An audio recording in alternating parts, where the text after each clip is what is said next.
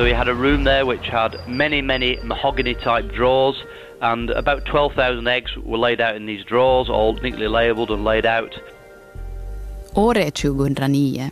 På ett stort gods i Skottland hittar brittiska polisen omkring 12 000 fågelägg.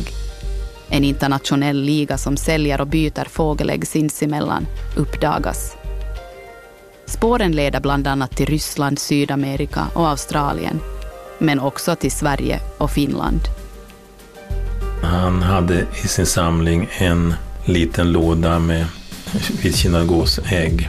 Och eh, på den etiketten då fanns det uppgifter om att äggen var plockade på viss plats i Närpes.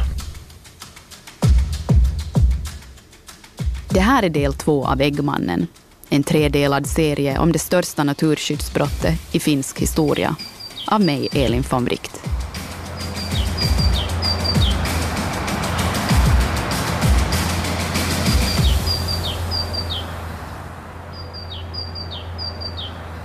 Den svenska polisen Göran Broman har hemma hos en man i Nyköping hittat flera tusen fågelägg. I flera år har han nu undersökt fallet och i mannens telefon har han hittat mystiska sms till någon i Finland och mer specifikt i Närpes. Jag hade gjort en sammanställning på de kopplingar som fanns till Finland. Det här eh, sände jag över då till eh, Rikskrim som förde över det här till Finland via de officiella kanalerna. På våren 2011 skickar han över materialet till polisen i Finland. Men det dröjer en hel sommar innan finska polisen tar tag i saken. Och slutligen faller det hela på Seppo Mäkitalos bord, på tullen i Karleby. Det var i slutet av oktober 2011 vi fick eh, så kallad underrättelseinformation från svenska polisen ah, att en man från Nyköping i Sverige har varit i kontakt med en finsk person eh, från Österbotten år 2009.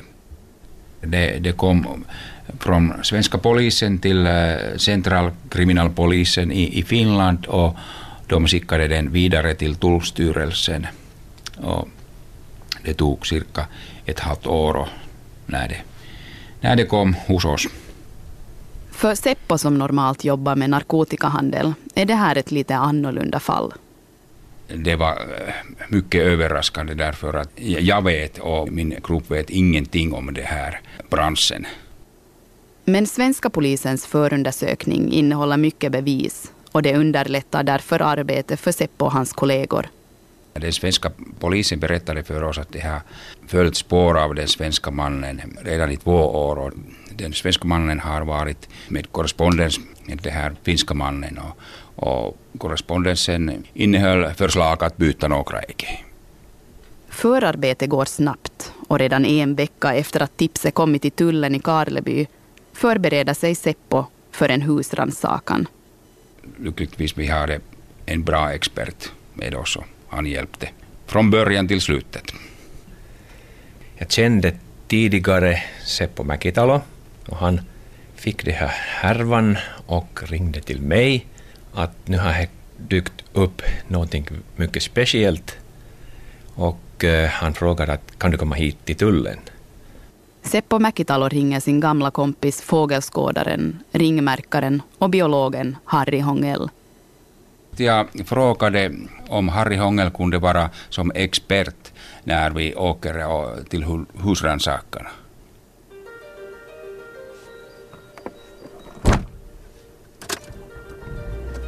Vi beslöt att göra slag till Närpes och åkte med två bilar dit. För vi visste inte att hur många ägg kan vi kanske hitta och vi tippade att kanske 200, kanske flera hundra, men det var allt. Och vi hade bara en normal paketbil och sen en sämre bil. Det är en solig dag i november 2011. Förundersökningsledare Seppo Mäkitalo stiger in i sin Volkswagen Golf i Karleby. Bredvid honom i bilen sätter sig biologen Harry Hongell och efter dem åker två tullmän i en paketbil. De är alla på väg till Närpes. Det var alldeles ny sak för mig. Jag har aldrig varit med i sådana attack kan vi säga. Vi försökte hitta vår man och det tog tid att köra med bilen i Närpes runt omkring. Väl framme i Närpes möter de en bil med samma registreringsnummer som äggmannens. Tullens bilar vänder om och följer den bil som de misstänker körs av just Närpeskillen. Bilen kör över hastighet och försvinner ur sikte. Det tog ännu nästan en timme att hitta den. Efter att ha kört omkring i Närpes en stund hittar de slutligen Närpesbon på hans arbetsplats. Ett växthus en bit från centrum. Han var alldeles nervös och försökte försvinna, alltså stiga till bilen och köra bort, men det var omöjligt och vi tog honom fast. Aha, tog ni riktigt med, med handklovar och grejer? Jo. Mannen grips vid växthusanläggningen. De granskar hans bil och hittar en radardetektor, någonting som är olagligt. Mannen påstår att han har det för att inte bli fast för fortkörning. I bilen hittar de också två navigatorer. Men Seppo-Harry och tullmännen hittar inga fågelägg i växthuset. Förundersökningsledare Seppo åker därför iväg med Närpesmannen till hans bostad som ligger intill ett annat av mannens växthus. Och det är där den stora överraskningen väntar. Seppo ringde att Hej grabbar, kom hit nu. Han sa det ingenting, bara att kom hit nu. Och så kom vi dit och det var alldeles fullt i en korridor. Allt möjliga uppstoppade djur, fåglar.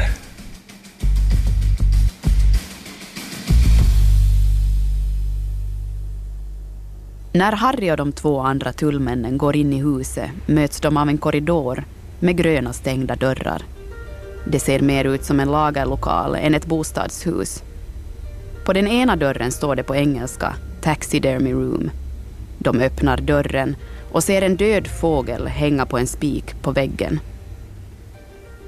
Redan uppstoppade djur står på bänken och i hyllorna. Mängder av redskap för att stoppa djur och tömma fågelägg ligger på bordet. Ett gevär med kikarsikte står lutat mot väggen och stolpskor som används för att klättra i träd ligger på golvet.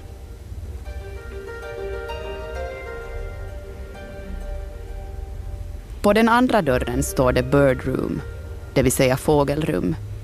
Det är inrett med stenar, små taniga träd med långa grenar utan löv och olika slags sittpinnar för fåglar att sitta på.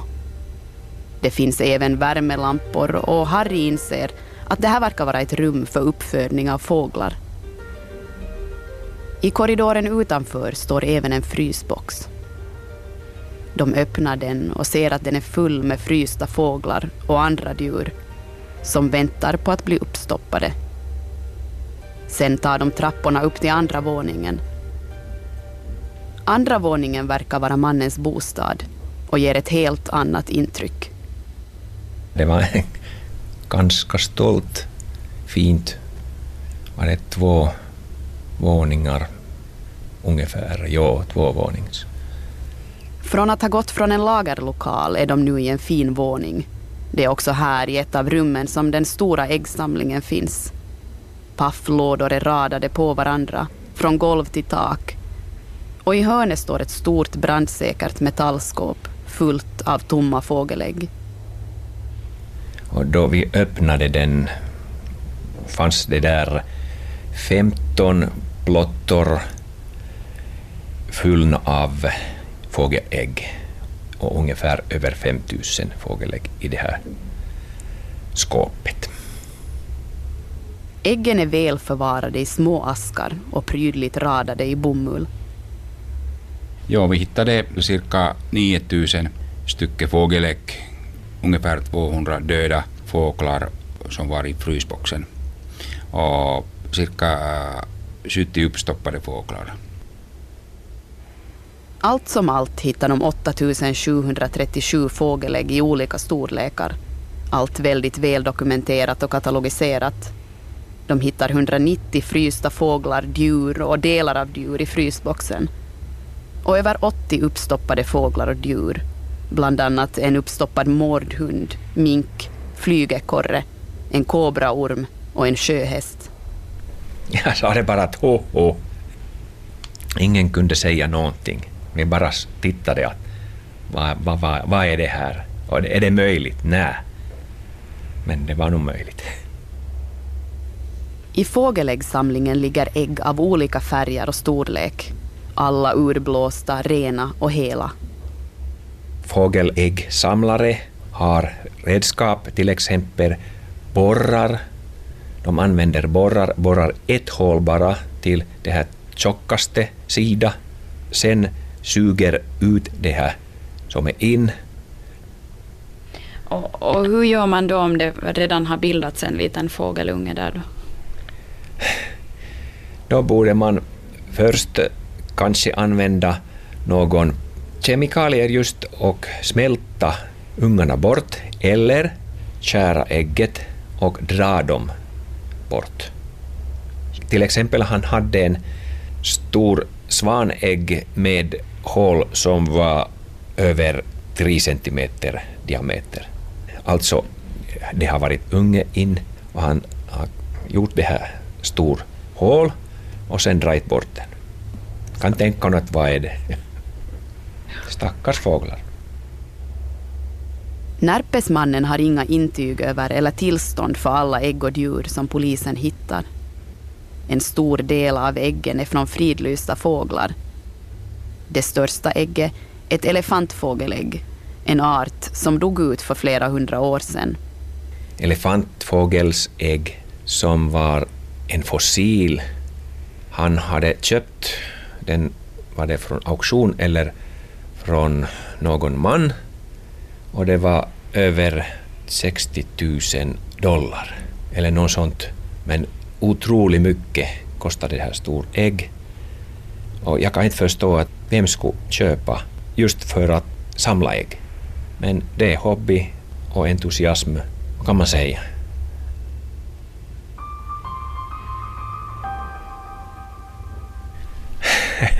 Vi tog en liten paus för att tänka att vad ska man göra med det här. För den här samlingen var så stor att den rymde inte till vår bil.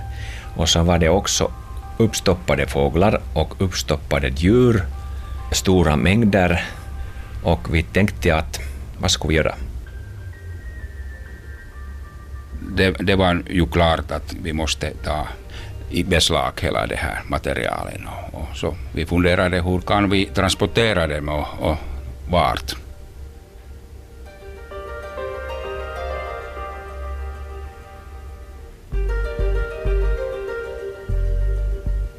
Vem är Närpesmannen egentligen? Och varför har han samlat på sig alla dessa ägg? Han, studerade till konservator här på, Naturhistoriska centralmuseet. Så han, jag visste inte då att han samlade ägg, jag visste att han var mycket intresserad av ägg och vi hade ett klart utbyte av information om, om litteratur till exempel. Den vägen lärde jag känna, känna en, en ambitiös ung man. Men då hade jag inte, ingen föreställning om att vi skulle mötas i rätten. Vad kommer att hända med Närpesmannen och den enorma äggsamlingen? Lyssna på nästa och det sista avsnittet av Äggmannen, en Svenska Yle-podcast i tre delar av mig, Elin von Wright. Producent Staffan von Martens och för ljudarbete stod Jyrki Häyrynen.